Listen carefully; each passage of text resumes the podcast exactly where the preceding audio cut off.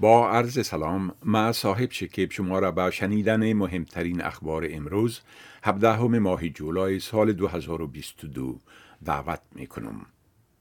با کمیسیون تحقیقات سلطنتی در مورد امور دفاعی و خودکشی سربازان سابق استرالیایی گفته شده که میزان بلند خودکشی در بین سربازان کنونی و سابق یک تراژدی ملی غیر قابل انکار است. این تحقیقات که در سال 2021 به خاطر بررسی مسائل سیستماتیک و عوامل خطر مرتبط به خودکشی های نظامیان و سربازان سابق راه اندازی شد سر از امروز 17 جولای به مدت دو هفته در ادلید برگزار می شود. شورای تجارتی استرالیا بهبود در زمینه کار و استخدام افراد دارای معلولیت را تقاضا کرده است. گزارش این شورا نشان می دهد که 92 فیصد از مؤسسات عضوش مایلند مردم بیشتر دارای معلولیت را برای نیروی کار خود استخدام کنند.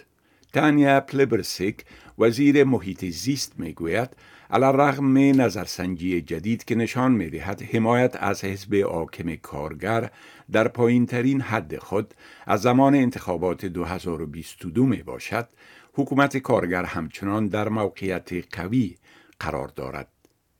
نظرسنجی اخیر نیوز پال که در روزنامه دی آستریلیان نشر شده نشان می دهد که اطلاف مخالف نتوانسته از این کاهش مستفید شود چون رای دهندگان به سوی نمایندگان مستقل و احزاب کوچک متمایل شدند.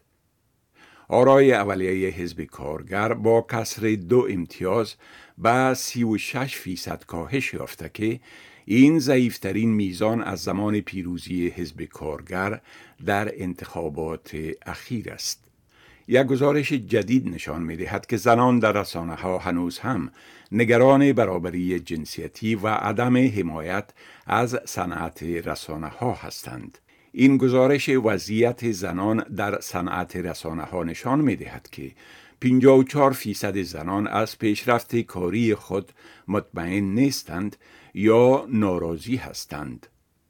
در گزارش همچنان آمده است که در سال 2023 سه برابر بیشتر زنان به تناسب سال 2022 می‌گویند که دسترسی محدود به توسعه دارند و تبعیض پنج برابر بیشتر بوده است. حکومت طالبان می‌گوید که از طرف روسیه به نشست آینده فرمت مسکو در مورد افغانستان دعوت شده است. زیا احمد تکل معاون سخنگوی وزارت خارجه حکومت طالبان در پیام گفته که دمیتری ژیرنوف سفیر روسیه در کابل در ملاقات با امیرخان متقی سرپرست وزارت خارجه از وی برای شرکت در این نشست دعوت کرد.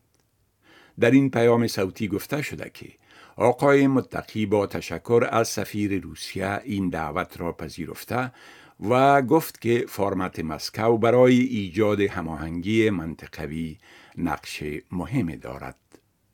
گزارش شده که پلیس ایران اقداماتش علیه زنان را که بدون چادر در ملای عام گشت و گذار می کنند بار دیگر آغاز کرده است.